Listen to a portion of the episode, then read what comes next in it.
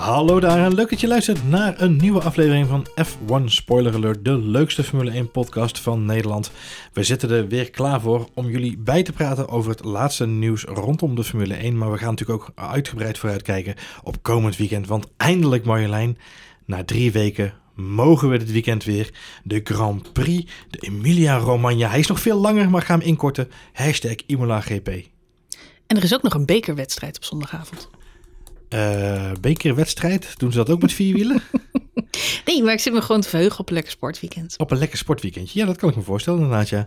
Het is, uh, het is uh, de tweede keer dat we naar Imola teruggaan. het is natuurlijk een lange tijd daar niet meer geweest. Mm -hmm. Ik heb er wel zin in. Het weer ziet er ook goed uit daar. Ik zag de foto's vandaag langskomen. Die jongens... Zitten ze allemaal weer aan het zwembad? Nee, dat dan oh. weer niet. Um, dat heeft voornamelijk te maken met het feit dat de merendeel van de jongens daar toch wel wat fris schijnt te hebben. Um, ik, ik zag een update voorbij komen van Lando Norris, die met een grote wollen sjaal en een wollen muts op uh, de paddock binnenkomen lopen. Dus ik weet niet wat daar het verhaal achter is.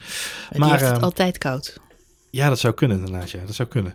Het is wel zo dat uh, Lewis Hamilton dan wel weer een foto had dat hij uh, met ontbloot bovenlijf zijn Mercedesje ingepakt had en klaar was om richting het circuit te rijden. Het is echt heel grappig dat je dat zegt, want terwijl je deze intro deed, denk ik op Instagram even en ik zie Lewis Hamilton hier op het circuit arriveren in een soort skipak.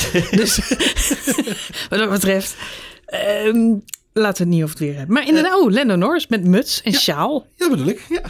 Zou het een bijwerking van de vaccinatie zijn? Dat zou kunnen. Dat je het gewoon koud krijgt als je uit Engeland oh, komt. Een vaccinerende gedachte. Hey, um, laten we even aftrappen met wat, uh, wat belangrijke nieuwtjes op weg naar, uh, naar de race dit weekend. Um, de tijd van opnemen nu is nog ruim voor de persconferenties, helaas. Dus we hebben geen uh, hot gossip uit de persconferenties. Ik zag wel een hele leuke line-up bij de persconferenties. Verstappen en Schumacher zitten samen in, in één zaaltje vandaag. Mm -hmm. Vind ik dan wel weer schattig. De laatste keer dat dat gebeurt is volgens mij eens in 1994 gebeurd. Um, dat ze samen als in een perscoachje zaten met die achternamen. Um, voor de rest, ja, weet je, moeten we een beetje uh, meer het nieuws eromheen beetpakken. Um, en dat eigenlijk, even kijken naar uh, Imola zelf. Dat was natuurlijk vorig jaar een tweedaagse race. Kun je dat nog herinneren? Jazeker, dat, uh, toen kwamen we uit Portugal, toch? Ja, volgens mij wel inderdaad, ja. ja. Uh, maar in elk geval ergens anders in Zuid-Europa. Een, stukje rijden moesten Dat we. was een eindje rijden. En toen is er besloten om dus niet op vrijdag al te gaan trainen, omdat er eigenlijk gewoon geen tijd voor was. Vrachtwagens nee. moesten zo snel Klopt inderdaad, ja. door. Nee, dus er was, een, uh, was inderdaad een, een tweedaags event. Op zaterdag was er een training en een quali. Op, uh, die quali er eigenlijk gelijk achteraan zo'n beetje. Dus echt, uh, echt heel beperkte modus. Lewis Hamilton was daar toen wel heel blij mee. Die zei, ja, er zijn toch weer, als we dit zo gaan doortrekken... zijn er toch 22 dagen in het jaar dat er minder Formule 1 auto's op de, op de weg rijden. Dat is toch wel een mooie gedachte van Lewis Hamilton. en ook, ook de teams zelf waren natuurlijk al wel blij vanwege de kostenbesparing en ja, de drukte op het reisschema.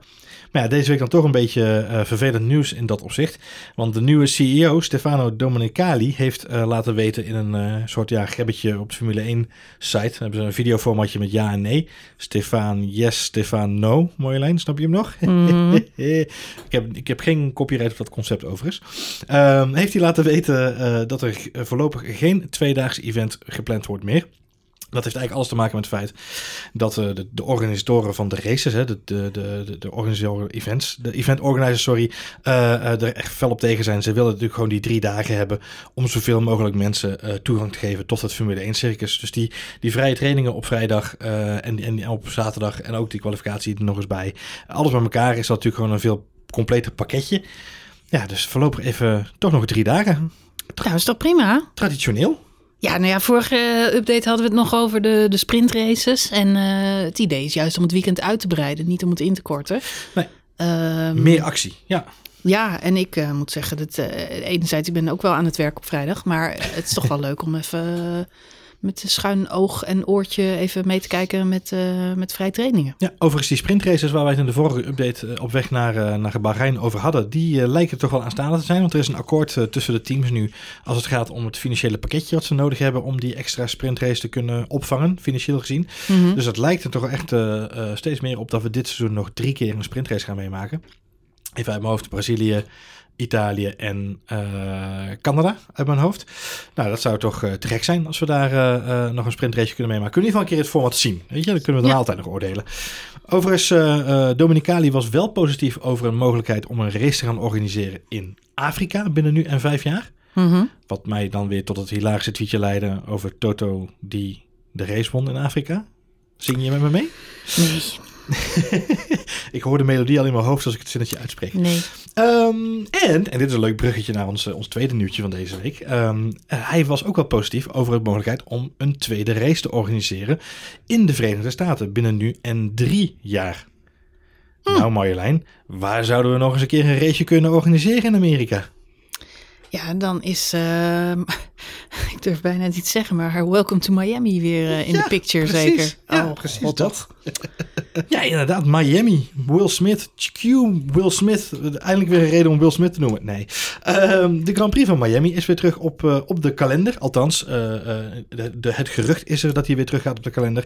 Dat heeft alles te maken met het stadsbestuur daar. Voor de mensen die onze podcast al wat langer luisteren, die weten dat we er vorig jaar ook al een paar keer over gehad hebben. Miami wil heel graag een, een Grand Prix organiseren.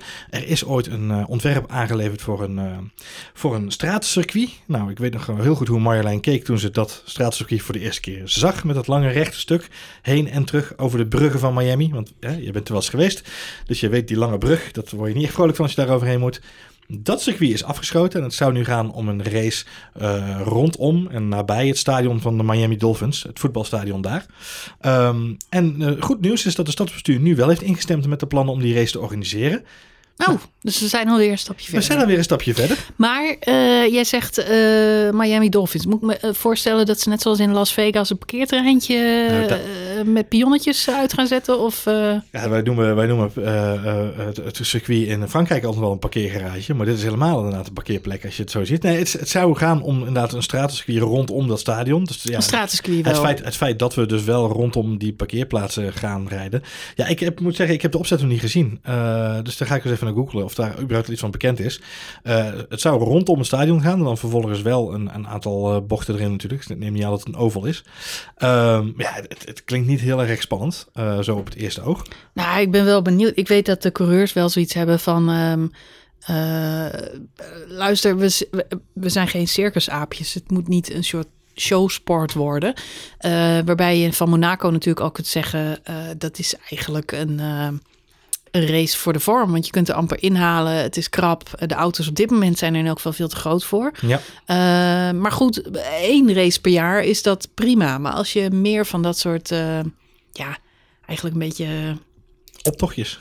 Ja, ja, nou ja, optocht is met ook voor de, voor de sier eigenlijk. Hè? Het is. eh, Ja, ik vind het heel moeilijk. Ik vind Miami, we hebben al gezegd, wij zijn er zelf ook wel eens geweest. Ehm, het is een prachtige stad eh, als je er gaat vertoeven voor het ontspannen.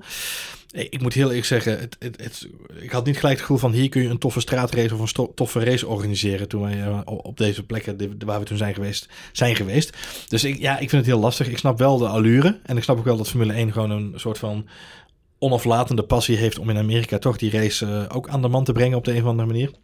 Ja, het, ik, ik blijf dat apart vinden. Want ehm, ja, de signalen die ik krijg is dat het in Amerika nog niet echt. eh, Nee, het is, het is sterker nog, in, in alle landen in Amerika nam het kijkersdichtheid vorig jaar natuurlijk nog, eh, nog het meest af onderaan de streep. Daar waar we in Nederland eh, eh, overigens flink groeiden, eh, dat zal alles te maken hebben met goede, de goede prestaties van Max Verstappen, mhm. eh, was het kijkersdichtheid in Amerika weer een stuk naar beneden. Dus weet je, door de bank genomen, eh, eh, eh, snap ik niet zo heel erg goed waarom ze toch blijven proberen. Hetzelfde geldt overigens voor een race in Afrika onderaan de streep, waarvan ik denk van het is een onnodige logistieke exercitie waar je misschien helemaal niet vrolijk van wordt. Ehm, Nou, ik denk dat. eh, eh, eh, ja, nou, ik, de F1 zou er goed aan doen als ze toch met allerlei targets en doelstellingen en. verjonging, diversificering, vergroening, ehm, initiatieven bezig zijn. Ja, kijk dan eens gewoon überhaupt naar de kalender. En wat is eh, de meest duurzame oplossing? We hebben het net over eh, eh, de Grand Prix nu in Toscane. En, en daar komen in een week tijd. En daar Ja. moet het programma dan voor worden ingekort. Ehm, maar ik heb me wel eigenlijk al mijn hele leven lang afgevraagd... is het niet idioot dat we naar Japan vliegen... En, en daarna gaan we weer naar... ergens in Europa, een paar races. En dan gaan we weer door. En in de loop der jaren is het natuurlijk wel wat aangepast. En, en vorig jaar zagen we daar eigenlijk de ultieme kalender van. Ik weet nog dat wij voor aanvang van het seizoen het al hadden over corona. En eh, eh, straks kan het hele seizoen niet doorgaan. Toen zaten wij een beetje te filosoferen van wat ze het makkelijkst nu zouden kunnen doen. Gewoon puur praktisch bezien. Ja. Is een wereldkampioenschap eh, in Europa organiseren. Omdat je dan in elk geval van, met, de vrachtwagens Logistiek je dan voorzien. ja, van plek naar plek kunt rijden en daar de races kunt organiseren. Dus eh, ja, ik zou het een heel onlogisch signaal vinden om nu ineens te zeggen, oh, we doen Miami en het wordt allemaal nog jetsetteriger en dan vliegen we daar naartoe en dan weer naar Brazilië en dan weer naar Australië en eh, bundel nou een beetje die races. En ja, goed, misschien doen ze dat wel, hè? Dan wordt het Mexico, Texas en, en Miami. Dat kan natuurlijk prima. Ja. Dan hebben we er drie eh, op dat continent. Misschien Brazilië er ook nog, eh, nog bij. Ja. Ja, dan zit je aan die kant. Aan de andere kant betekent dat natuurlijk voor de coureurs en de crews dat ze dan ook gewoon twee maanden van huis zijn. Dus eh, het is niet even op Het en is neer. niet even op en neer inderdaad. Nee, want als je naar Brazilië erbij gaat trekken, wat een- op zich een logistiek een logische keuze zou zijn, om dan inderdaad het, die, die kant van het, van het aardkloot aan te doen, ja, dan ben je gewoon, neem even twee weken tussen elke race in en dan ben je twee maanden weg. Is echt een hele impact. Ja, nou, ik, eh, ik eh, enerzijds denk ik, ja, vanuit sportperspectief eh, hartstikke vet. Hoe meer locaties, eh, hoe beter. En zeker exotische loca- locaties heeft natuurlijk wel wat. Aan de andere kant, ja, eh, het zijn wel eh, mensen hè, in, die, eh, in die sport. En Eens? dat mogen we niet vergeten. Dat, Nee, eh, dat die ook gewoon. eh, en het seizoen wordt ook steeds langer. Dat is voor ons fans heel erg tof. Maar eh, voor de coureurs en de mensen die er werken iets minder. Soms wel een beetje pittig lijkt me inderdaad, ja. ja. Goed. Hey, ehm, even terugkijkend op eh, de- vorige week. Vorige week was er natuurlijk eh, veel nieuws rondom Toto Wolf. Die had zich een beetje ongelukkig uitgelaten over zijn mede-teambazen Christian Horner en Zack Brown. Gaan we niet helemaal aanstippen, maar het- laten we het houden op een lost in translation situatie in een interview wat hij gegeven had met de Oostenrijkse journaaien. Uh, maar het was niet het enige fitty die vorige week nogal de ronde ging. Dat was namelijk ook het feit dat er uh, schijnbaar uh, sinds de Grand Prix van Bahrein uh, geen contact meer is geweest tussen Lewis Hamilton en George Russell. Uh, en dan met name de Sarkir Grand Prix, de tweede ronde natuurlijk die we in Bahrein gereden hebben. De Sarkir. Sa Sa ja, maar hij bleef hangen. Sakir. De vliegende Fakir. De vliegende Fakir. Um, die race reed George Russell natuurlijk in de auto van Lewis Hamilton. Die ontbrak vanwege een coronabesmetting. Um, en uh, het gerucht gaat nu al een tijdje lang dat Lewis Hamilton al die tijd geen contact heeft gezocht met George Russell. Of heeft gehad. Uh, George Russell heeft daar vandaag op gereageerd. Natuurlijk ook vanuit zijn uh, nieuwe ambitie om uh, als hoofd van de, de Coureurs Association een beetje politieke voortouw te nemen. Um, hij heeft laten weten dat ze elkaar inderdaad niet gesproken hebben. Alleen dat dat uh, feitelijk wel vaker gebeurt gedurende het seizoen. Want George Russell rijdt bij Williams, die staan achteraan op de paddock. En Lewis Hamilton rijdt bij Mercedes, die staan vooraan. Dus ze zien elkaar niet zo heel erg veel. Dus uh, hij spreekt Lewis Hamilton net zoveel als die andere coureurs door de bank genomen spreekt. Uh, als ze elkaar zien, zwaaien ze vriendelijk. En voor de rest is er volgens hem niet zo heel veel aan de hand. Wat denk jij, Marjolein Kamphuis? Zeg het maar. Ik heb hier niet echt een mening over. ik vind dit zo'n uh, roddel achterklap uh, niveautje. Uh... Er zijn natuurlijk ook mensen die, die zeggen dat de contractonderhandelingen met Mercedes daar een rol in hebben gespeeld. Dus het feit, het feit dat hij geen contact wilde hebben met George Russell, dat dat ook een troef ja, is geweest ik vind het is. onzin. Wat me wel opvalt, Lewis Hamilton afgelopen weken een paar keer interviews met hem voorbij gezien komen. Ik zag hem ook op Instagram nog wel eens. Hij woont gewoon in Amerika. Uh, buiten het uh, Formule 1 seizoen om. Hij, uh, wat mij bijvoorbeeld opviel is dat vorige week is natuurlijk ehm, Prins Philip van Engeland overleden. Maar op diezelfde dag ook rapper DMX. Mm -hmm, en ik -hmm. moest lachen omdat Lewis Hamilton van DMX een hele post maakte op zijn Instagram. Maar helemaal niks over Prins Philip. Nee. wat natuurlijk wel te begrijpen is in het licht van, uh, nou ja, goed. Uh, discussies dus, rondom het Koningshuis. Discussies rondom het Koningshuis, uh, racisme en et cetera. Hij zal daar misschien niet zoveel mee op hebben. Maar het geeft ook wel aan, Lewis Hamilton, die, zit, die, die is gewoon meer half Amerikaan op dit moment dan Engelsman. Dus ik denk ook niet dat George en Lewis elkaar heel vaak... Ik vind, ik vind Lewis in het meer, Engelse. Ik vind Lewis meer een wereldburger, hoor. Die past overal. Ook goed, ook ja. goed. Maar ja, ik, ik, denk, ik vind gewoon dat ze, ze zitten echt wel in andere werelden. En ja, Jezus, ja, waar hebben we het over? Ze praten niet met elkaar. Er zijn wel meer mensen die niet met elkaar praten. Uh, hè? Nou, ja, nou over, kunnen over, we door? Over roddel en achterklap gesproken, Marjolein. Want dat was het bruggetje wat ik inderdaad zocht. Over roddel en achterklap gesproken. En over nou ja, de nodige uh, uh, uh, verhalen rondom zijn persona. Fernando Alonso, we kennen hem wel, die heeft zijn boek Racer uitgesteld. Hij zou met een biografie komen, mm -hmm. met de werktitel Racer, wat ik een hele on-the-point titel vind voor mm -hmm, een biografie mm -hmm. van een racer. Hij heeft hem vast geclaimd. Precies, racer.nu. Racer.s. Het zou toch komisch zijn als Kimi Räikkönen nu gewoon met een boek kwam dat ook Racer heet. Gewoon Ja. bam. Ja, precies. dat is, ja, goed. Kimi, Kimi eh, heeft, heeft zijn boek al gehad, hè? dus die, die zal wel klaar Ja, zijn. dat is waar, dat dat is waar. Daar heeft hij nog steeds hoofdpijn van, van het boek lezen. Ehm, hij had een eh, boek gepland staan, eh, eigenlijk al voor eh, zijn vertrek uit de Formule 1 in 2018. Eh, maar toen eh, besloot hij eh, om er toch nog maar even een, een kurk in te stoppen, omdat hij nog wat andere klasses ging doen. Natuurlijk onder andere Indy en hij heeft nog de K gereden. Ehm, toen zou zijn boek uitkomen afgelopen november. Toen dacht ik, nou, ideaal kerstcadeautje. Het boek over alle intriges rondom Fernando Alonso. Wie wil het niet onder de boom hebben? Ik. Ehm, maar toen is het uitgesteld. Toen werd er eigenlijk vrij snel gezegd van... joh, dat zal wel te maken hebben met corona en schrijftijden... en lastig moeilijk uitgeven, et cetera. Maar hij heeft vandaag aangegeven dat hij al een paar jaar aan het boek aan het werken is... samen met zijn, eh, met zijn auteur, zijn, eh, zijn schrijver. Ehm, maar dat hij uiteindelijk besloten heeft om het toch uit te stellen... omdat hij nu ook in de Formule 1 rijdt. Ja, is toch een beetje gek hè, als je dan in één keer je bekje open doet... en alle geheimen naar buiten komen tuimelen. Ja, met, met name natuurlijk over Crashgate. Eh, Het zou lullig zijn als, eh, ja, als daar. Maar ja, het, het- hij wil het inderdaad niet dat dat nu eh, uitkomt. Eh, dat, eh, hij houdt dat inderdaad dus nu al een paar jaar tegen. Hij zegt: zolang ik actief ben, vind ik het gewoon weird. eh, dat dat er is. En ik, dat, doet, ja, dat wekt natuurlijk wel een beetje het vermoeden dat er in dat boek onthullingen worden gedaan. Die voor controverse gaan eh, zorgen. Het zou mij verbazen als het niet zo was, Marlijn. En dat wil hij vermijden. Er is zoveel controverse rondom Fernando Alonso dat het Hij heeft niet geen eh, zin in een, eh, een Vettel-seizoen, zeg Sterker maar. nog, ik denk zelfs dat als we met z'n allen naar de ISBN-nummer van het boek kijken, we ons al beginnen te vragen wat er allemaal niet in zou kunnen staan. ik denk dat dat zelfs al voor reacties zal leiden. Het ISBN-nummer van het boek, ja. Nou goed, we zullen er nog even op moeten wachten. Nou ja, ik ben wel benieuwd. En ik ben voornamelijk naar benieuwd. Hij heeft natuurlijk een aantal dingen wel echt meegemaakt. Jij zegt zelf al Crashgate. eh, de situatie bij Ferrari, waar die, en ook McLaren, waar die natuurlijk uit zijn contract... Misschien mag Sebastian Vettel wel het voorwoord schrijven voor het boek. Zou leuk zijn. Leuk. Of eh, ja, Felipe Massa misschien. Ja, leuk. nou, misschien wel. Misschien komt Vettel ook nog. Nee, ik zie Vettel niet zo snel met een boek komen over. Dat zal een worst wezen. Als, als zijn tijd in de Formule 1 straks voorbij is, Nee joh, Vetteltje Dan, die eh, gaat gewoon eh, lekker zijn boerderijtje die beginnen. gaat gewoon tuinieren. Die is al druk bezig met uh, erbij. Dus Ja.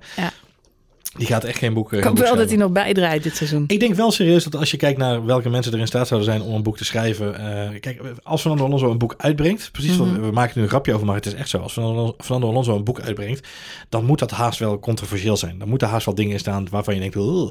terwijl ik denk bij mezelf, als Sebastian Vettel nu een boek zou uitbrengen, dan kan ik me niet voorstellen wat daar voor enorme controversies bij zou komen. Nee, maar het- Behalve de relatie met Mark Webber bijvoorbeeld, of, of met Ricardo toen hij daar wegging. Nou ja. maar, maar dat is niet controversieel, dat is gewoon sporten. Snap je? N- Nou, dat, maar ik denk dat het. eh, kijk, je hebt gewoon introverte personalities in de Formule 1 en je hebt extraverte. En ik denk dat Fernando in dat laatste bakje valt. Eh, dus dat is dan. niet eerder opgevallen. Nee. Dat is dan. eh, ja, interessant. Hij heeft natuurlijk ook al een documentaire over, eh, over zijn activiteiten laten maken op Amazon. Eh, waarvan er al twee seizoenen verschenen zijn. Dus hij is nogal de hoofdpersonage In zijn eigen in zijn eigen film, in zijn eigen verhaal. Ehm, hij, hij is daar heel erg mee bezig. Ja, dus daar moet ook wel enige show in zitten. Voor andere coureurs, zoals bijvoorbeeld het boek van Kimi Räikkönen... waar je net al aan refereerde. Van Kimi weet je eigenlijk heel weinig. Mhm. En het is grappig om dan zo'n autobiografie te lezen... van iemand die hem eh, een jaar lang of langer eh, bij hem is geweest... en hem gevolgd heeft. Omdat het een inkijkje geeft in wat voor karakter is het... eh, Ja. hoe gaat hij om met vrienden, familie... wat drijft hem, wat houdt hem tegen... ja, gewoon wat voor type jongen is het. En met Vettel zou dat hetzelfde zijn. De, van Vettel weten we eigenlijk heel weinig. En ik denk dat als er een boek van Vettel zou verschijnen... we allemaal weken, maandenlang eh, in de media zouden moeten lezen... wat daar allemaal wel niet eh, Ja. naar voren komt... van welke muziek die houdt en welke dit en dat. En er zijn natuurlijk wel dingen van bekend. Maar Ja. ik denk dat we daar allemaal al zo geobsedeerd door zouden zijn... dat we meer weten, meer, hè, de persoon Vettel beter leren kennen... dat er niet zo heel veel controversieels in hoeft ik, te het, staan. ik vind het heel grappig. Je hebt met Formule 1 Twitter natuurlijk. Hè, de, de, de Formule 1 community op Twitter. eh, die, Mhm. kan, die kun je heel breed bekijken. Je kunt kijken naar de journalistieke kant. Je kunt kijken naar de coureurskant. En je kunt aan de fanskant dan nog een onderverdeling gaan maken. Nou, met onze spoiler account zitten we volgen natuurlijk een breed spectrum aan mensen. En wat mij echt opvalt, wat ik echt heel leuk vind, is dat de Formule 1 fans die Sebastian Vettel volgen. En, en het geldt trouwens ook voor Daniel Ricciardo of, of Lewis Hamilton. Maar eh, ehm, ze halen zelfs informatie uit eh, een trui die hij aan heeft. Of een, dat, zelfs dat worden ze, helemaal, waar- worden ze al helemaal vrolijk van. Een soort Free Britney. eh, Ja, nou, dat- soms heb je dat gevoel er wel eens bij, inderdaad. Ja, ja nou, dus dat, eh, Goed. Het gaat te ver, Johan. Het gaat te ver. het gaat te ver. Jij noemde Amazon al even, Marjolein. En dat brengt mij bij eh, eh, een ander nieuwtje wat vandaag naar buiten is gekomen. Dat is Ja. een, een primeurtje van de dag. Een primeur du jour. Ehm, want Amazon Web Services, dat is natuurlijk de, de, de internetkant van, eh, van deze grote webwinkel. Ja, Annex Streaming een Server. van de Annex sponsoren van de Formule 1 sinds Precies. een aantal jaar. Ja, een, een partnership, zoals dat zo mooi noemen. Eh, Amazon Web Services heeft aangekondigd samen met Formule 1. Fantastische graphics. Ja. Exact. Nou, daar komen er dus nog Die banden, van. Die banden. Nou, daar komen er nog meer. Je moet nu naar binnen, want Amazon zegt het. Het wordt nog beter. Jeff Bezos zegt dat je banden nu moeten worden vervangen. Ik heb Mhm, ze net besteld. Ze worden zo bezorgd via Prime. Dat is de toekomst waar we heen gaan, Marjolein. Dat de, de pitcrew gewoon moet bestellen bij Amazon. Dat ze moeten wachten tot de Prime-bestelling binnenkomt. en dan de budget cap die zorgt ervoor dat als je geen Prime-abonnement hebt... dan moet je dus 30 seconden langer wachten op je banden. en bij Williams kunnen ze dat niet betalen. Oh. Die hebben geen Amazon Prime pitstop. Dikke vette pech. Marjolein, er komen maar liefst zes nieuwe graphics bij dit jaar. Nou, En ik heb me toch op prijs in vertel. Dit weekend, tijdens de Emiliana Romagna Grand Prix, zullen we voor het eerst de Breaking Performance Graphic. Die zal laten zien in een grafiekje hoe de coureurs de verschillende stijlen die ze hanteren bij het remmen. Het moment van inremmen en de kracht waarmee zij inremmen in een bocht. Interessant, Interessant. interessant.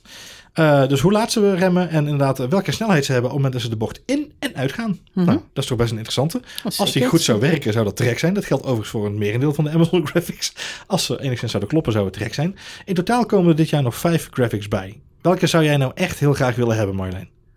Van die vijf? Ja, gewoon, gewoon in het algemeen. Dus nu aan jouw vraag, hey Marjolein, welke graphic zou jij graag willen hebben? Wat vind je een trek graphic?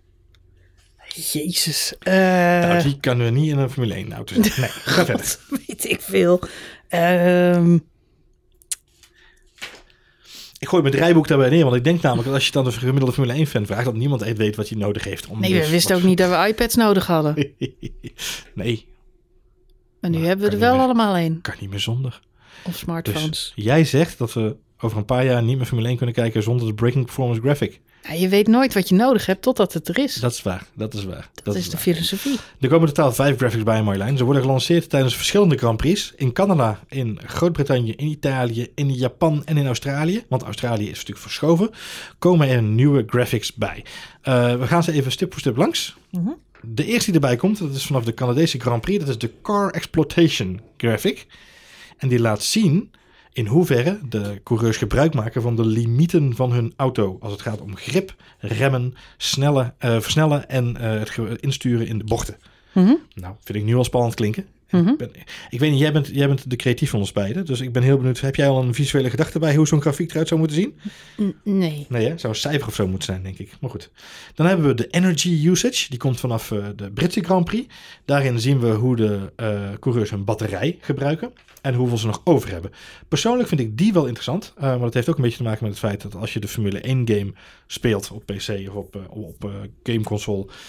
dan heb je dat ook tot je beschikking. En het is wel een prettige statistiek om, om te weten hoe ver iemand nog echt überhaupt de kans heeft om nog een aanval te plaatsen.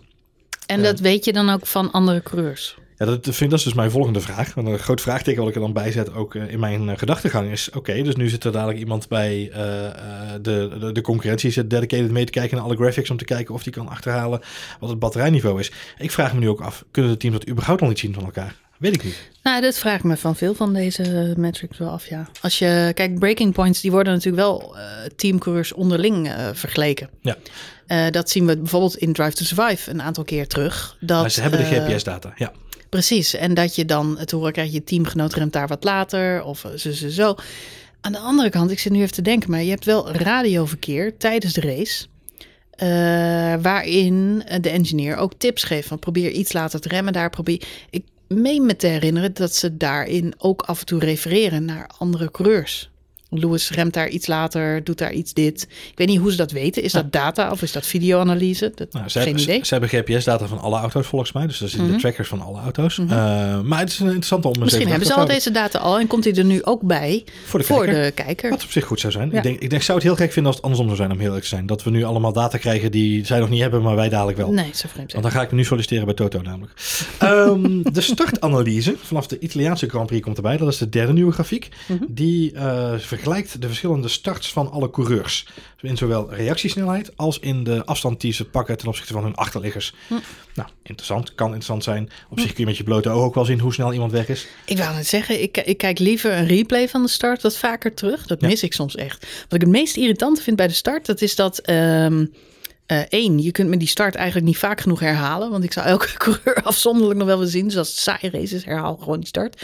Ehm, maar wat ik eh, vooral vervelend vind, het is dat eh, het shot van bovenaf. Dat is eigenlijk het fijnste shot. Ja. Maar dat beweegt altijd mee, eigenlijk met de nou, top 10, top 5 soms zelfs. Maar daarachter mis je een hoop. En je Ja. ziet niet wat daarachter gebeurt. En dat vind ik zo irritant. Ik denk altijd, hou die camera nou gewoon...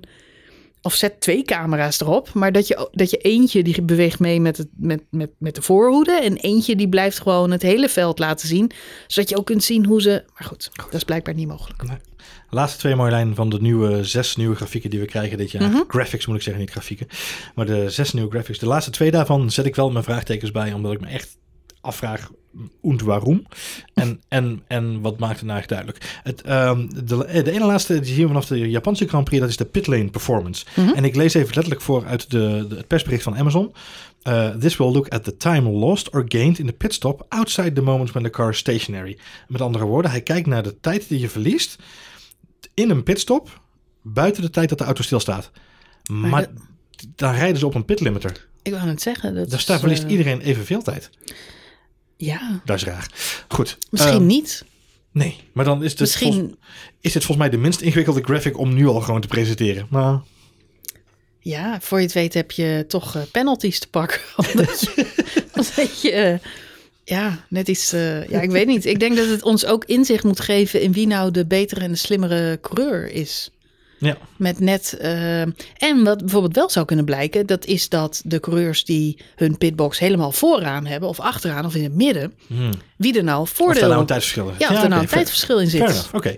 Eh, Ik maak er een iets lichter Dat zou ook niet moeten zijn, maar wie weet of dat, hè, dat veel auto's tegelijk eh, pitstoppen, heeft dat een effect? Ik Of, maak, er een, ik maak er een licht vraagtekentje van. Vooruit, je hebt me een beetje overtuigd. Hmm. De laatste die ik wel interessant vind, of eigenlijk niet, is de undercut thread. Eh, Die Mhm. komt vanaf de Australische Grand Prix, dus dan zitten we al richting het einde van het seizoen.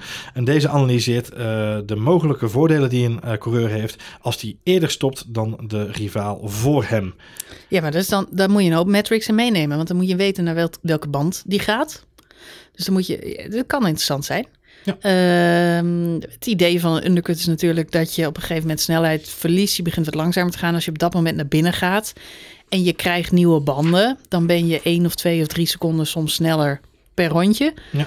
Eh, en heb je een voordeel van de persoon die later stopt, die niet die snellere banden heeft. Nee, maar aan de andere kant... Langer niet die snelle banden heeft. Aan de andere kant inderdaad, als je dus inderdaad de pit... de- de Ja, soms is het verschil met die banden ja. helemaal niks. Soms gaat iemand naar binnen voor witte banden. Die komt naar buiten. Die is net zo snel als dat hij daarvoor op gele banden was. Ja. Eh, soms komen die witte banden later pas op stoom. Eh, dus kun je het niet direct zien na de pitstop. Maar komt dat effect pas later? Ja, ik ben wel benieuwd. Dit lijkt me er wel zo eentje waarvan je in de race denkt... oh, dit slaat nergens op. slaat nergens op. Dit- Maar eigenlijk wat die andere vijf die we nu al hebben, ook al hebben feitelijk. Ja. Ik denk dat er wel een optie moet komen straks om dit soort extra's uit te zetten. Eh, nee, maar omdat ik oprecht... Er zijn mensen die houden, die houden niet van deze dataficering van de sport. Hm. Ehm, Nee, het is heel Amerikaans dit. Het is echt heel Amerikaans. Eh, ja, en enerzijds, het- ik vind het altijd wel erg leuk om te zien. Behalve als het nergens op slaat. Als je denkt van ja, maar dit is leuk. Hè, bijvoorbeeld de striking distance. Dat doen ze ook wel eens op een moment dat iemand nog eh, moet pitten. Of, eh, of, of inderdaad banden heeft waarvan je weet, die gaan vijf ronden. Zijn ze super snel. Maar na vijf ronden dan, dan zijn ze net zo langzaam als diegene die daarvoor rijdt. Ja. Dus een striking distance, die is dan even spannend. Maar na vijf rondjes zie je dat hij toch niet redt. En dan denk ik, daar hebben we dus niks aan Niks gehad. aan gehad. Nee. Eh, en dat, eh, ja, dat is voor kijkers best wel vervelend. En je haalt ook een stukje spanning weg. Het geldt zelf voor die banden. Hè? Ik bedoel, de 10% van Hamilton is iets anders dan 10% bij, eh bij eh, Grosjean. Als die Grosjean nog 10% heeft, dan weet je dat je binnen drie rondes nog maar 2% heeft. Ja, en Hamilton kan ja. nog 10 ronden doorrijden op 10%. Je verliest soms echt een beetje uit het oog waar, waar het om gaat, zeg maar, in een wedstrijd. En het is bedoeld om juist de sport duidelijker te maken voor mensen, om het beter te laten begrijpen. Maar soms krijg je inderdaad die bandengraphic in beeld van nog maar 10%, allemaal van die rode bandjes. En dan denk je, oh nee, oh nee, hij moet naar binnen, hij gaat het niet redden. Maar als in het geval van de Mercedes weet je gewoon dat er helemaal niks aan de hand is. En die rijdt gewoon lachend die race uit. Eh, nou, Zeker, zeker de goede paniek schoppen om niks. Paniek schoppen om niks. Dat gaan we dit weekend niet doen, Marjolein. Want dit weekend gaan we naar een raceje kijken. Yay! Ik ben er zo blij mee. Ik heb echt, echt serieus. We hebben heel lang uitgekeken naar de start van het seizoen. En toen dacht ik, nou ja, dan uh, gelukkig beginnen we rustig aan. Met een race en dan even wat rust. Maar ik had twee weekjes wel genoeg gevonden om eerlijk te zijn. um, we gaan naar Imola. En de vraag is even, Marjolein, krijgen we dit weekend een tweede Hamilton versus Verstappen? Of hebben we een probleem dat Max Verstappen in Italië moet rijden? En kunnen we op voorhand al zeggen, Nee. don't get your hopes up. Dat, eh, dat idee gooien we in de prullenbak. Het is een eh, nieuw, nieuw seizoen, nieuwe kansen. Eh, Italië was vorig jaar een ramp, maar volgens mij heb ik het vorige podcast ook al gezegd. Mhm. Max is de, de laatste, die geloof ik, die in toeval of, of in dat soort bijgeloof Bijgeloof gelooft. ja. Ja, dus ehm, nee joh, dat, dat is gewoon drie keer pech. En natuurlijk, dat kan gebeuren. Eh, net zoals met eh, de Red Bull eh, Lucky Number 13. 13. Oh, nou, man. Ja, man, laten we het dat daar was ook, laten we het daar niet meer over hebben. Maar dat was natuurlijk enerzijds een rampseizoen voor Max. En op een gegeven moment werd het voor Ricciardo een verschrikkelijke situatie. Ja. Ja, je, je- kunt het meemaken, maar waar het aan ligt... eh in elk geval niet aan het circuit. Hij heeft eh, vorig jaar ontzettend goed eh, gekwalificeerd, derde plek. Ja. Dus ik denk dat hij gewoon de pole position kan pakken deze keer hoor. En hij reed ook gewoon op P2 eh, natuurlijk toen hij Ja. zijn lekker band kreeg. Uiteindelijk. Winst vorig jaar naar Hamilton uit mijn hoofd. Ja. Ehm, en Bottas pakte natuurlijk die tweede plek weer over van, van Max, omdat hij een lekker band reed. Ja, Eh, Eh, Bottas startte, startte pole position. Ongelooflijk hè? Ja, maar ja, dat zegt niks Nou, hè? ongelooflijk, ongelooflijk. Ja, maar Bottas had toen nog wat extra gewicht, want hij had toen nog die, die Magnum PI snor. dus die had wat extra gewicht meegenomen, dus die zakte natuurlijk gelijk weer weg. Eh, Bottas. Ik denk dat Bottas eh, niet meedoet. Ik denk dat Bottas de rest van het seizoen niet meer meedoet. Ik ben heel benieuwd naar jouw voorspellingen straks, Marjolein. Want je moet Ja. ook nog even in onze Fantasy GP niet vergeten je voorspellingen in te vullen. Maar Mhm, laten, daar hebben we zo nog mhm, eventjes mhm, over. Hey, ehm, eh, ik kijk even een schuin oog naar jouw andere favoriete coureur. Dat is namelijk Pierre Gasly. Mhm, Eh, Die had natuurlijk echt een baalstart daar in Bahrein. Mhm. Heb je goede hoop op dat hij zich kan herpakken deze race? Ehm, Ja, vorig jaar ook een goede. Volgens mij was hij vierde of zo. Nee, in ik de, Fiat vierde. Ja. Ja, in de kwalificatie was Oh, zo, ja. Mhm. eh, Gasly volgens mij vierde plek. Ehm, nee, ik denk dat eh, sowieso uh, AlphaTauri het eh, goed, eh, goed kan doen. Auto zit er goed bij. Eh Tsunoda was natuurlijk fantastisch. Ze hebben een lekker sfeertje daar te pakken volgens mij. Ja, zij zitten wel echt eh goede vibe. Maar ik denk ook dat eh, McLaren weer lekker mee gaat doen. Renault heb ik echt totaal geen verwachtingen meer bij dit seizoen. Eh, jammer voor Alonso, maar weer verkeerde moment, verkeerde plek. Altijd. Echt story of his life, man. Lijkt wel op, hè? Ja. Ehm, ja, nee, ja, Alfa Tauri, dat is echt eh, toch wel de verrassing gebleken van dit seizoen. Vooralsnog. Tot nu Ja, toe. Ja, precies. nee, ja, maar eh, ja, en verder, het wordt gewoon eh, Red Bull Mercedes. Eh, of eigenlijk wordt het gewoon Max en, en, en, en Lewis. Ik denk dat Perez nog tijd nodig heeft om nog meer aan die auto te wennen. Mhm, mhm. Blijkbaar is dat zo. Dat hebben we bij Albon en, en de rest ook gezien. Aan de andere kant reed Perez vorige keer een fantastische race. Ik denk dat hij dat weer kan doen. Maar hij krijgt wel moeilijk. Ja, Ze hebben wel een probleem ontdekt bij de auto van eh, Perez, waardoor die Q3 niet haalde in de vorige race. Oh. Eh, dat was een remprobleem, dat hebben ze opgelost intussen. Eh, hopelijk hebben ze de elektronica ook weer helemaal gefixt voor hem, dat hij gewoon lekker kan doorknallen inderdaad. Hey, en we zijn natuurlijk terug in de achtertuin van, van Ferrari. Ehm, ik, ik, ik moet altijd, we zeggen Ferrari omdat we in Italië zijn, maar ik moet echt toch, ik moet dit segment ook even de mooie nieuwe helm van Giovinazzi benoemen. Ik weet niet of je hem al gezien hebt, maar hij is ik heb hem nog niet gezien, nee. fantastisch Marjolein. Gaan we sowieso, eh, gaan we straks even opzoeken. Ja. Hij is zeer zeker de moeite waard. Het is weer een, een echte Geo-knaller, kunnen we wel zeggen. Maar goed, we zijn, eh, zoals dat dan zo mooi zeggen, in de achtertuin van Ferrari. Denk jij dat ze de goede lijn van eh, Bahrein kunnen doortrekken? De lijn van Bahrein. En ehm, kunnen doorzetten en P3 al overpakken van McLaren dit weekend. Hij is, hij is wel echt prachtig, inderdaad. Ah, mooi. Ah, je hebt je telefoontje Ja, gericht. ja, ja, ja, heel het goed. is eh, een nice helmpje. Nice Het, het is voor de mensen die, eh, die alert zijn eh, en, en ook de journalisten volgen die in, in Italië zijn. Het is inderdaad een afgeleide van de poster die bij de journalisten in de perskamer hangt.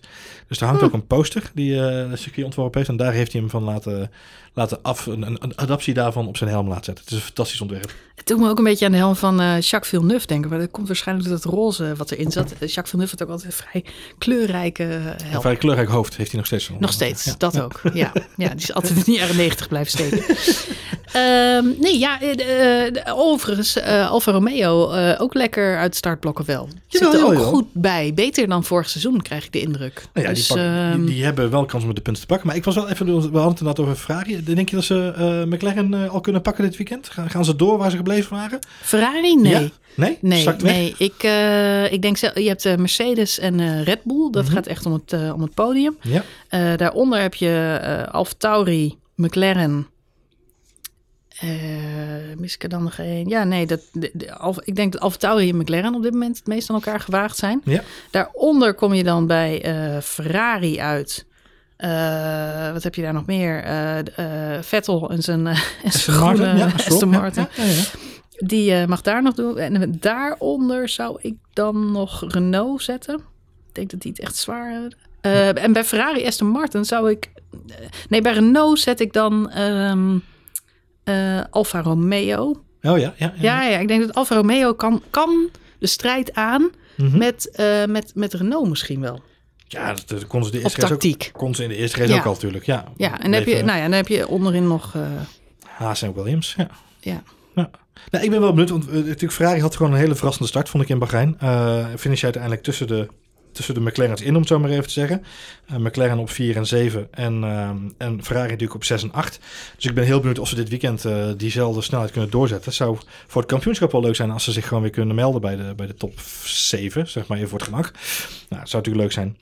Ehm, goed om te weten, eh, mocht je aan de slag gaan met je voorspellingen eh, in ons voorspelspel voor deze week, eh, of gewoon naar de race gaan kijken dit weekend en denken, wat zijn die jongens toch keurig met een lijntje aan het kleuren. Er zijn ook dit weekend weer track limits. Mhm. Drie stuks, bocht 9, bocht 13 en bocht 15. En vanwege mijn slechte Italiaanse uitspraak ga ik ze niet noemen.